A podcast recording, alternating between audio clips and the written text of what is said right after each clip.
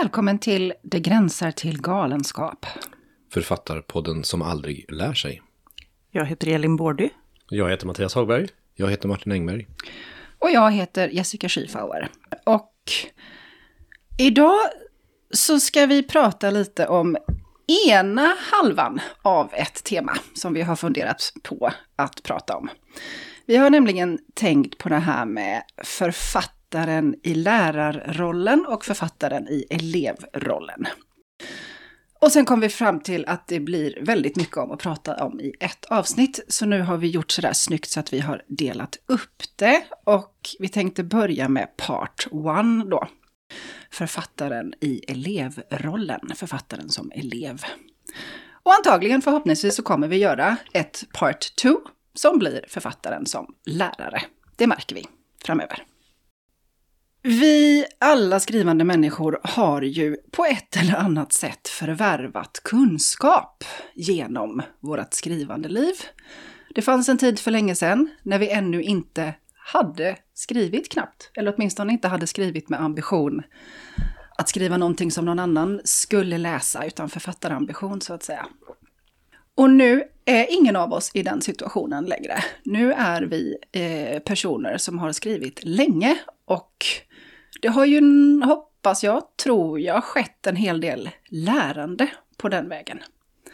Sen är det också så att flera av oss eh, håller skrivarkurser och flera av oss har gått skrivarkurser. Så det här med liksom att författaren också alltid har en eh, elevsituation, det tänkte jag att vi skulle prata om. Så jag vill, jag vill liksom börja och fråga er, så här, ganska, en ganska stor fråga. Var började var började ert skrivande lärande? Är det någon som vill ta tag i den? Hur har vägen sett ut liksom? Ja, men det måste ha börjat med läsandet, tänker jag. Mm. Såklart. Då kan man ju kanske gå tillbaka till när man var liten eller något sånt. Gå tillbaka till din barndom. Men, ja, men precis. Men, men jag har ju ganska så här... Eh, jag, av olika anledningar så hamnade jag på natur när jag gick på gymnasiet. Eh, vilket kanske inte var linjen för mig egentligen. Så jag pluggade inte speciellt mycket men ändå så är jag ju lite rigid då som jag kommit fram till. eh, så då så gav jag mig, men då får jag göra något vettigt istället liksom. Så, ja men då läser jag en jävla massa böcker istället. Eh, så då läste jag mig liksom så här lite eh, igenom världslitteraturen kanske. Inte allt, men, men väldigt mycket istället för att göra mina läxor och plugga mina prov. En utmärkt prioritering så här med facit i hand får ja, man säga. Men då, och då, det tror jag, det, det lär, att läsa är ju såklart det som lär en mest om hur man ska skriva. Mm. Jättebra påstående och nu tänker jag vara jobbig. På vilket sätt lär man sig av att läsa? Vad är det som händer liksom med lusten att skriva eller känslan av att man kanske kan skriva när man läser? Det är en jättevag fråga, jag förstår. Du får Ja, passa ja. om du vill. Men, nej, men vad, det kan väl alla svara på säkert. Men jag menar så, såklart, alltihopa grundar sig väl i någon sorts... Att man bara tycker väldigt mycket om Mm. Att läsa. Och att man tycker det är fascinerande på något sätt att vara i de där världarna eller ta del av det. Och, och ta del av hur man kan göra, liksom, hur det kan bli och vad som händer när man läser och sådär. Och då väcks väl också frågan, tänker jag, att ja, men, hur, gör, hur gör den här författaren för att det Ja, ska bli på det precis. sättet? Ja. Och då ser man ju, jag menar precis som allt annat, om man tränar fotboll eller någonting så är det, eller som Björn Borg står och slår på sin garagedörr liksom. Det är det som ger det och det är väl kanske lite samma sak här med att man man måste nog läsa väldigt mycket. I alla fall är det ju det som man också säger på alla skrivarkurser. Man har själv stått och sagt det tusen gånger också förmodligen. Liksom så här, ni måste läsa, annars så är det kört. Eh, Men fanns det en medvetenhet hos dig när du liksom var, slukade böcker då? Eh, fanns det en medvetenhet hos dig om att du läste i syfte att tillskansa dig kunskap om att skriva? Eller är det någonting du så att säga kan se i efterhand, att du lärde dig oerhört mycket av att läsa, men läsningen var mera lustfylld eller liksom glupsk? Ja men den var nog ganska glupsk och lustfylld då tror jag. Och så hittade jag ju liksom på en, en förevändning för att få, få läsa också då som jag tyckte lät bra. Som dessutom gjorde att jag slapp plugga. Ja, Eh, Men, men eh, jag tror inte riktigt jag vågade tänka att jag själv skulle kunna skriva ännu då. nej. Vad var förevändningen? Alltså, Att jag läsa skulle för- läsa böcker, romaner istället för att plugga i skolan. Ah, För att det, det var helt enkelt en bättre, mera ädlare sysselsättning än att plugga Än att natur. bara sitta på café, café hela tiden. Liksom. Ah, ja, Jag gjorde båda i och för sig. Jo, det gjorde jag också, men jag lite kunde, kunde motivera mitt skolkande med läsandet. ja, du är inte så rigid som man tror. Nej, Det är en helt ny sida hos Mattias ja, det här. En revol- revolutionär... Ja. Mm. Ja, så kan det vara. Jag har så många sidor. ja. Elin? Ja, jag funderar på det där. Eh, alltså lärsituationen. Jag åkte ju på skrivarläger som Majornas bibliotek och Gamlestans bibliotek anordnade när jag gick i mellan och högstadiet. Eller högstadiet var det nog i och för sig, det var nog från sjuan. Ehm, säkert fem somrar i rad en vecka. Eller knappt en vecka var det nog. Eh, ett gäng ungdomar och så var det bibliotekarier och så var det någon dramapedagog och så var det någon, ibland var det någon gäst. Jag vet att Jörgen Lind, poet, var gästförfattare ett år. Um, och det var ju kanske inte så mycket, det var ju väldigt löst hållet, liksom. det var inte någon utbildning på något sätt, men det var, det var nog för mig ett tillfälle att liksom få frossa i det där att jag ville skriva och också på något sätt sitta och hålla på och sitta och tänka på att så här kan man ju ha det. Eh, så det var väldigt, väldigt motiverande även om jag var väldigt ung. Eh, men jag tror också att man var ju väldigt, alltså det har jag ju själv märkt när jag har haft eh, skrivarkurser med barn och unga, att man är ju väldigt präglad av skolan, tycker jag. De är väldigt präglade av skolan och av att lärare säger vad de får göra och inte. Just det. Och det kommer jag ihåg att jag själv var. Hur ska det vara? Vad är rätt? Vad är fel? Hur får man skriva? Hur får man... Så, det har varit en lång process att hitta bort från det, tänker jag. Ja, det relaterar ju till ett annat avsnitt som vi Ja. har som handlar om det här med, med regler, liksom, Ja, vad man får och inte får göra. Precis. Men minns du, eh, minns du något så här specifikt råd eller specifik insikt eller någonting sånt som du fick under den tiden? Alltså jag minns det specifika rådet att inte använda ordet ju så mycket. Eh, det måste ha tagit hårt. Eh, nej men och sen minns jag, det var ett av de sista åren jag åkte, så då gick kanske i gymnasiet. Så minns jag att jag satt på, vi var på ett ställe uppe i Bohuslän som heter Vrångsholmen, som ett stort hus som hade varit hem för vanartiga gossar. Så det var otroligt inspirerande plats, ganska mörk historia men väldigt häftigt hus. Och så fanns det ett fält, ett träd som var fält men låg kvar liksom. På baksidan där vi satt och skrev, det var väldigt så här man var liksom ganska romantisk i sitt förhållningssätt till skrivandet. Men jag kommer ihåg väldigt tydligt att jag satt där och tänkte, det här kan man göra.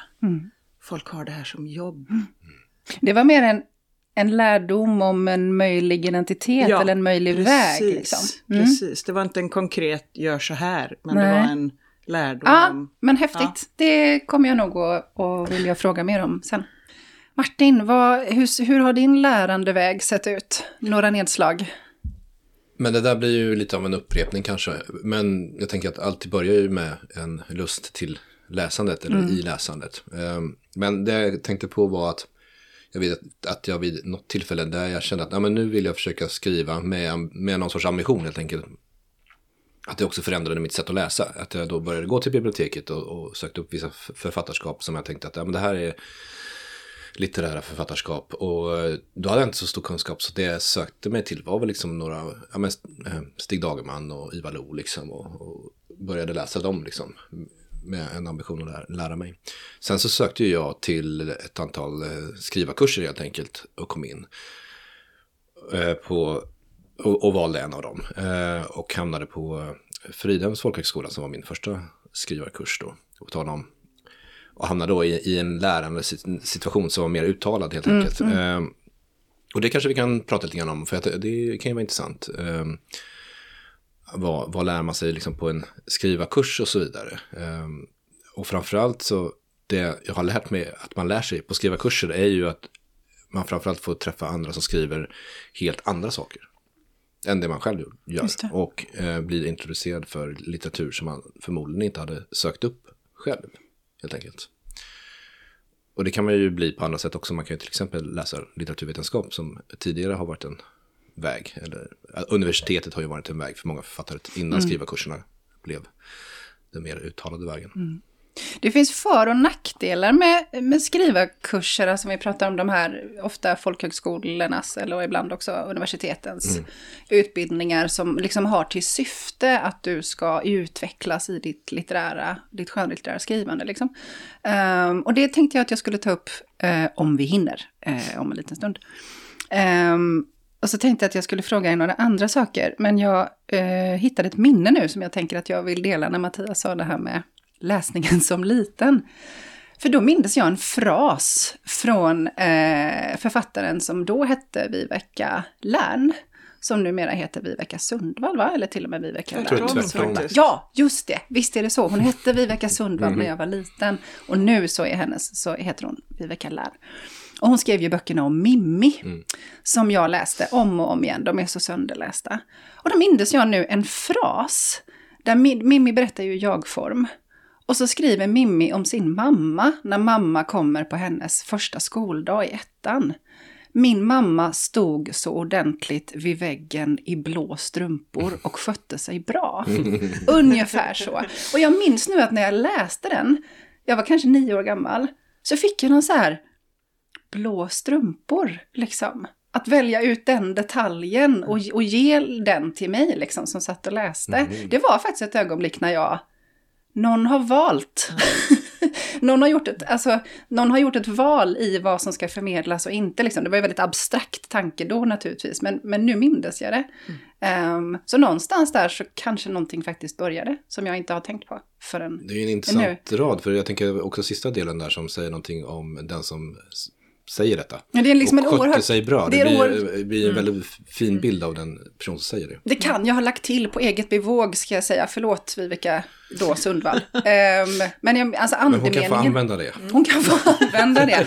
Andemeningen av meningen var att, att Mimmi naturligtvis var orolig för att mamma inte skulle sköta sig. Ja. Liksom. Så mm. den här iakttagelsen hade att göra med att hon sköter sig bra. Just det, liksom. hon hade rätt. Um, Nå, det var en eh, liten anekdot så att säga. Men eh, jag vill gärna prata lite om just skrivarutbildningarna som då tre av oss har gått.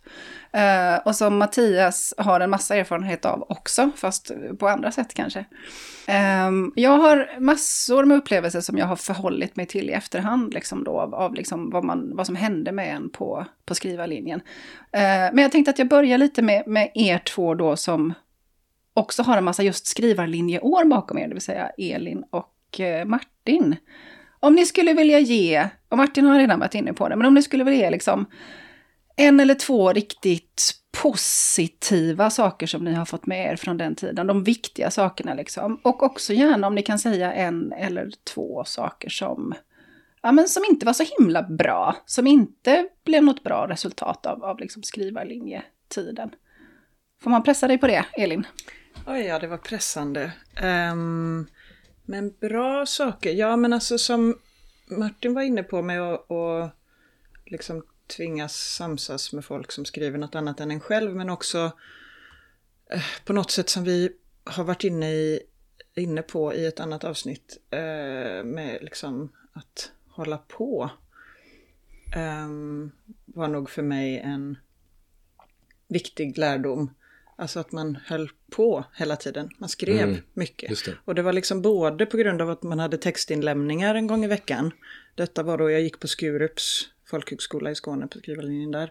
Och första året så var det, då skulle man lämna in text varje vecka till sin lilla textresponsgrupp. Men utöver det som jag skrev för att lämna in så skrev jag ju hela tiden för att det var i det sammanhanget man skrev och man läste och man pratade om text. Vilket ju verkligen gav en sorts lärdom i att hålla på, mm. tänker jag. Uh, och en sorts, liksom, ja men det är ju som att vilja bli bra på en sport. Då måste man hålla uppe sin kondition. Liksom. Um, för mig är det i alla fall en, en liknelse som funkar, liksom, att mm. det finns en kondition i skrivandet och någonting som man mm. håller uppe. Um, det var ju en bra sak. Alltså, nej men jag, om jag ska prata om om saker som inte var så bra. Eh, då handlar det nog kanske mer om mig själv än om själva utbildningen. Mm, men det är jag, jätteintressant. Ja, ja, men jag började på Skurup direkt efter gymnasiet. Och var ju liksom en väldigt eh, duktig och högpresterande person.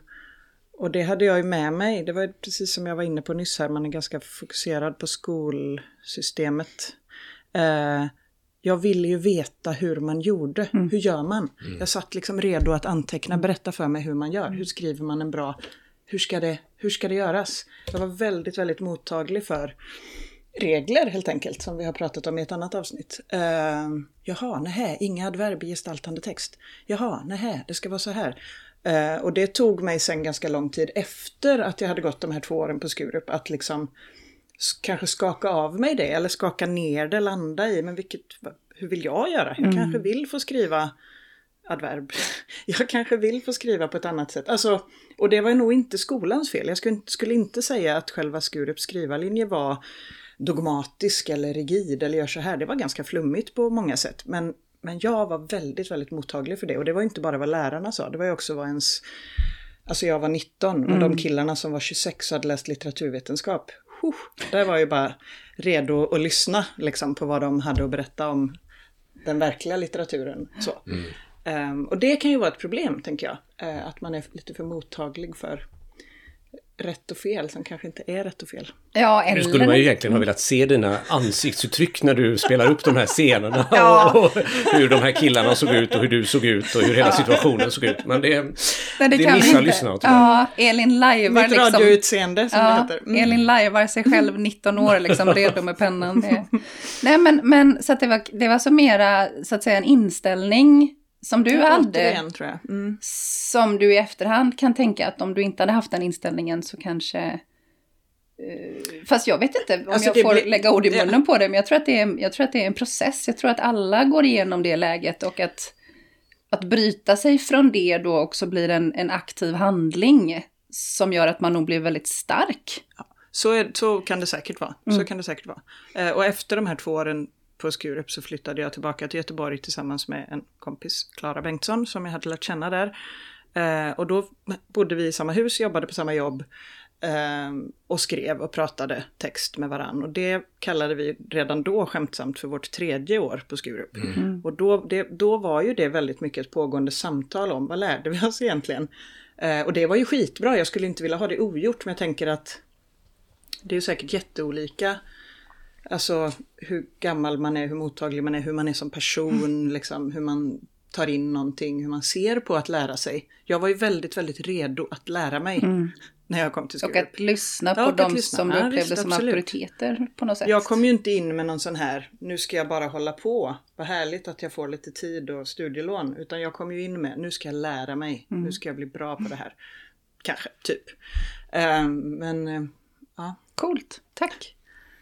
Mm. Martin, Ja, jag tycker en sak som jag alltid brukar vilja framhålla när det gäller skrivarkurser, varför de är bra, så är det ju just detta, ja men man får träffa människor som skriver på ett annat sätt, man får träffa, liksom få en inblick i andra litteraturer, men också det är, man kan också få studiemedel helt enkelt.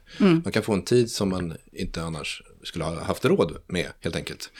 Och de där sakerna är viktiga om man har en, en bakgrund som inte, utan någon liksom kulturell bakgrund med sig från början. Eh, så för mig gav skrivarkursen också någon sorts inblick i, i branschen, eh, så successivt i alla fall. Eh, för att jag träffade andra människor som visste lite mer om litteraturbranschen än vad jag gjorde.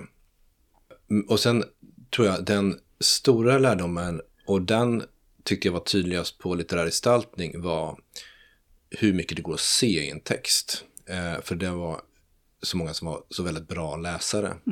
Eh, och det var ju både bra och skrämmande. Det gav ju känslan av att det gick inte att komma undan och liksom så här, hoppas på att bli liksom bara mottagen eh, på, ja, eh, på de positiva si- sidorna av texten, eller hur vi ska uttrycka det. Efter, efter en sån här läsning, när sex personer kanske har liksom läst väldigt, väldigt noga, så, så kan man ju känna sig ganska så här sönderdelad. Eh, och det ledde ju samtidigt då till, till väldigt mycket bra eh, insikter. Men sen tror jag att det också att de här perioderna gjorde att jag träffade människor som eh, jag kände trodde på mig. Och det har ju faktiskt också betytt något.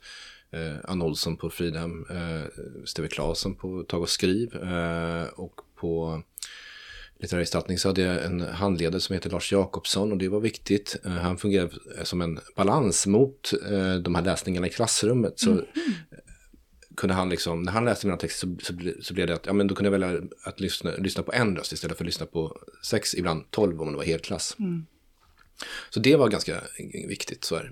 Sen nackdelarna, ja men det kan ju vara just det att om man är i ett sammanhang med samma personer under en längre tid så blir man ju präglad av, av det också. Liksom. Det uppstår ju alltid någon sorts liksom, inre kultur i de här sammanhangen. Så att, eh, det är bra om eh, man kommer därifrån så småningom helt enkelt. Eh, jag märkte ju det eh, när det gäller min tid på litterär gestaltning att under den sista terminen så började folk lämna in mindre och mindre. Och jag tror att det hade att göra med att ja, men, det var så pass hårt helt enkelt eh, att få sin text så granskad att det kunde också bli hämmande. Så att det var ganska skönt att komma därifrån sen också och få vara i fred. Liksom. För man får inte vara i fred. Om man lämnar in text, på vissa ställen så är det en gång i veckan, eh, här var ju en gång i månaden, men eh, så eh, är det ju någon som är i ens projekt och tittar i det och kommer in med sina, sin blick hela tiden, hela tiden. Och, där kan det vara lite svårt liksom. Och, få den här tiden som man kan behöva ensam med texten. Ja, vi, alltså vi pratar om att få ett sammanhang, att få umgås, frottera sig med, vara bland andra människor som, som skriver och har andra erfarenheter än mig själv. Vi pratar om att få vara synlig, men också att få vara osynlig. Jo, men också någon slags re reality check liksom, tänker jag, när man börjar förstå hur branschen fungerar så småningom. tänker jag Mm, just det. också så här, Så här går det till. Mm. Jaha, det är så svårt liksom, att få ut det. Är inte bara att jag sitter och liksom har läst Ulf Lundells Jack och så skriver jag en likadan och så skickar jag in den så blir jag känd. liksom. Utan jaha, och det kanske fanns annan litteratur som var mer intressant. Ja, än just det. Så här lång är vägen. Eller vad det var. Ja. Och Mattias då, från, från eh, liksom gymnasietidens eh, revoltläsande mot, mot läxorna. Vilka har liksom varit dina viktigaste sen lä- lärocentra eller vad man ska säga? Alltså även om det inte kanske har varit institutionaliserade sådana om du förstår vad jag menar. Ja, men jag har ju i och för sig också gått en, en typ av skrivarutbildning, fast till journalist då. Ja, Journalisthögskolan. Och jag menar, det, det, journalistik är ju mycket mer kanske ett hantverk, men man, man pysslar ju ändå och arbetar med och använder sig av språket hela tiden. Liksom. Eh, Så, så man blir ju väldigt medveten om vad det betyder att uttrycka sig och vad det betyder att använda språket på ett visst sätt och sånt där. Så det är såklart att det är ju lärorikt Precis som det är att gå en skrivarutbildning. Fast, fast man, har ju ett, man har ju ett väldigt annorlunda förhållande till vad man gör. Där man faktiskt mycket mer är så att man lär sig vissa regler som man ska förhålla sig till och vissa begränsningar som är ganska, eh, ganska strama och sånt där. Samtidigt så jobbar man ju med någonting som är, som är kanske mycket mer avancerat än vad man brukar tänka på. Det är ju att man på något sätt ska ändå beskriva vad som är inom situationstecken någon sorts verklighet. Liksom. Man, man ska ju ändå återge det till någon. Sånt där. Och det, det, eh, det är man ju som journalist väldigt medveten om och det diskuterar man ju ganska mycket. Liksom. Och det där gör en väldigt uppmärksam på vad, det är, vad språk är för någonting och vad man gör och sånt där. Så jag tror att det är alltid väldigt tacksamt att liksom klanka ner på journalistik och media och sådana saker. Men bra journalistik och bra journalister är ju väldigt, väldigt medvetna om vad de håller på med och arbetar väldigt aktivt med det. Men, men liksom utifrån de begränsningar som genren har. Så det var ju en jätteviktig skola och sen bara att liksom jobba som kulturjournalist som jag har gjort då i och för sig då, men ändå skrivit någon typ av så här lite litterära samhällsreportage rätt mycket liksom. Det betyder ju att man håller på och skriver och skriver och skriver och blir ju också hela tiden bedömd och, och man har redaktörer som diskuterar. Så det är ju en typ av skola också. Vad ska du säga att du främst tar med dig från journalistiken in i ditt skönlitterära skrivande och vad lämnar du ute? Vad vill du undvika att ta med dig från journalistiken? Ja, men man, man lär ju sig väldigt, eh, kanske två saker. Alltså dels att språket i så hög grad består av klichéer på något sätt. Eh, och att man i journalistiken använder sig av de klichéerna. Eftersom man ska kommunicera saker ofta väldigt snabbt till, till folk som, som bara behöver informationen på något sätt. Det ska inte vara där, man ska inte aktivera liksom något kritiskt eh, lässubjekt som ska bli eh, någon konstprocess eller något sånt där. Utan det är ju det är liksom information om en händelse eller, eller ett skeende eller något sånt där som ska ut. Eh, Så det är ju det ena man lär sig och nu så känner jag att jag håller på att glömma det andra jag hade tänkt att säga. Men ehm, vad var frågan? Ja, vad var, vad var din fråga Martin? Nu är det Martin som har Vad ställt du, frågan. du tar med dig in i det Jo, skönlitterära men skrivandet och det, vad det, andra är, det andra är ju just det här eh, alltså förhållande, journalistikens eller det journalistiska skrivandets förhållande till någon sorts verklighet. Alltså det blir ju ganska snabbt ganska filosofiskt vad det är man håller på med när, man, när man säger att vi ska beskriva vad som har hänt. Så vet man ju, man lär ju sig väldigt snabbt att det gör man ju inte. Utan det är ju någonting annat som man håller man försöker. Men man når ju aldrig fram liksom. Det där, det där tror jag att det är liksom just den här, det har jag säkert sagt flera gånger, eh, som jag tror att jag just har lärt mig i där. Eh, när vi har pratat om andra saker i den här podden, att just det här att man, att skrivandet hela tiden är ett försök liksom, som man aldrig lyckas med. Det, de sakerna har jag verkligen lärt mig. Sen blir man jävligt snabb på att skriva också. Det, det, alltså, det tror jag är en... en eh, Alltså, till en tredje re- sak. Rent motoriskt? Eller? Nej, nej, eller? nej, men alltså rent så här, det kan ju vara så här att om, om två timmar måste du ha skrivit 6000 tecken Ja, det. läsbart om, om den här Nobelpristagaren som Ja. har dött. Och det måste, vara, det måste gå att trycka i tidningen och det måste vara liksom vettigt på något sätt. Och det lär ju en, Mm. en, s- ja men det lär en en sorts eh, tempo i språket också. Ja, som man kan ha intressant. nytta av ibland, men som också kan vara farligt såklart. Ja. Det är ju ett perspektiv som överhuvudtaget inte finns på skrivarlinjen, utbildningarna, det här med liksom att nu, nu, nu ska det gå fort liksom. Mm. Bara gör det, bara sätt dig och gör det liksom. Utan det är alltid väldigt långa processer och så är det någon som inte lämnar in för att de inte känner sig färdiga. och liksom sådär. Men kände du att du hade något undertryck när du pluggade till, journal, till journalist? Eller när du, alltså under den perioden i ditt liv där du, innan du hade börjat skriva skönlitterärt liksom? Hade du liksom någon så här, att du ville spränga de ramarna på något vis? Eller att du kände att det här räcker inte för mig, jag vill någon annanstans? Eller är det två olika absolut. saker? Eh, jag lämnade ju till exempel, mitt första jobb fick jag på Arvika Nyheter som är en pytteliten lokal tidning liksom. Och där satt jag och försökte skriva som Svetlana Alexievich till eh, chefredaktörens eh, förtret. Bara, det fattar du väl att du inte kan hålla på så här. Gör om, hem. gör om, gör rätt liksom. Nej, men jag hade ju någon så här dröm om att skriva just liksom så här, eh, li- litterära reportage liksom. Och det finns ju jättemånga författare, så här Gabriel Garcia Marquez och Stig Dagerman och sånt som just hållit på med det. Och det var ju mina förebilder. Det var ju där jag ville, i liksom den litterära journalistiken. Det var ju dit jag ville. Så det fanns ju liksom en sorts författarambition med att gå på Journalisthögskolan. Men det vill man ju inte ha i Arvika. Men jag ville, nej det ville man inte ha. Det vill man inte ha i arbetet. Vi har ju på något märkligt sätt pratat om jättemycket av det som jag ville prata om, fast utan att jag har ställt Men vi har frågorna. inte fått höra bra. dina svar på vad du tar med dig från Ja! dina skrivarutbildningar. Jag är glad att du frågar det, Elin, eftersom jag precis hade tänkt att ta ordet och dra min egen historia.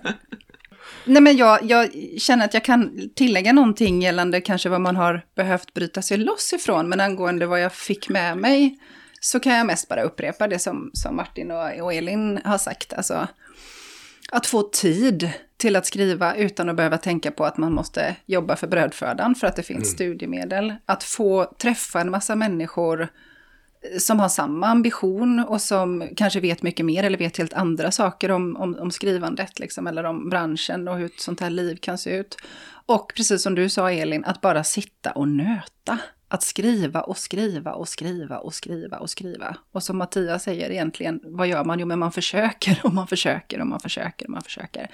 Så att den, den tiden som jag fick spendera med ständigt skrivande, ständigt behandlande av språket och ständig kontakt med, med andra människor som skrev, det är absolut det största jag fick med mig. Och när det gäller vad jag har känt att jag har behövt bryta mig loss ifrån så är det snarare en, en eh, genretradition som jag upplevde, men alltså som var väldigt, väldigt stark när jag gick på skrivarskola där runt 2000, liksom, 2000 och några år framåt. För då var det ju realismen, novellformen och också någonting som man väl kanske kallade för isbergsprosan, alltså en väldigt, väldigt ganska minimalistisk gestaltad prosa liksom. Ehm, och där hade jag ändå lite samma känsla som du Elin, att jag ville göra rätt. Och jag har pratat mycket om det här med att få beröm för det man gör, vilket, vilket är någonting som jag verkar vara väldigt svag för. För att jag rättade mig ganska snart efter det som jag förstod att jag fick beröm för. Ehm, mest av klassen då, av, av gruppen. Eh, och det gjorde att jag inte alls, jag, jag vet att jag kom dragande med någon sorts fantasy-utkast någon gång och alla bara, "Öh, vad håller du på med? Liksom, typ smutsa inte ner oss med det här. Och jag fattade att, "Uff, det här, okej, det var inte gångbart liksom. Så efter skrivarlinjeåren där realismen var liksom, ja men det som jag tänkte att det är här man ska vara om man ska vara seriös så hade jag en, eh, en period när jag verkligen kände att jag, att jag behövde bryta mig loss från de genrerna och så började jag skriva magisk realism och någon form av science fiction och sådär. Där jag känner att jag hör hemma, så det är, de, det är den litteraturen som jag dras till. Liksom. Vad ville du säga Martin? Jo, men jag kommer att tänka på ett råd som jag fick eh, under, under tiden jag gick på litterär gestaltning. Och det var Staffan Söderblom som sa det. Och det var inte i klassrummet utan det var så här vid sidan av i något sammanhang. Eh, där han just sa det att, jag kommer inte ihåg hur orden föll, men det handlar om att man ska aldrig underkasta sig någon annans regler helt enkelt. Mm, regler igen. Och det, där har jag, ja men regler igen, och, och där har jag tänkt väldigt mycket på efter det. Jag kommer inte ihåg exakt varför han sa det, men, men det har jag försökt påminna mig om ganska ofta. Och det har ju med det du säger att göra. Liksom, att, och man kan vara ganska snabb med att underkasta sig andras regler. Och särskilt om man får beröm. Det är ju det absolut farligaste. När man håller på att lära sig att man får väldigt mycket beröm av en person som är en auktoritet. Liksom. Så att eh, det har ju både för och nackdelar att, att bli uppmuntrad liksom, i de här sammanhangen. Det finns jättemycket mer som vi skulle kunna prata om. Men jag känner att vi hade ett sånt fantastiskt slutord här. Och det var det farliga i att få väldigt mycket beröm av någon som man upplever som en auktoritet.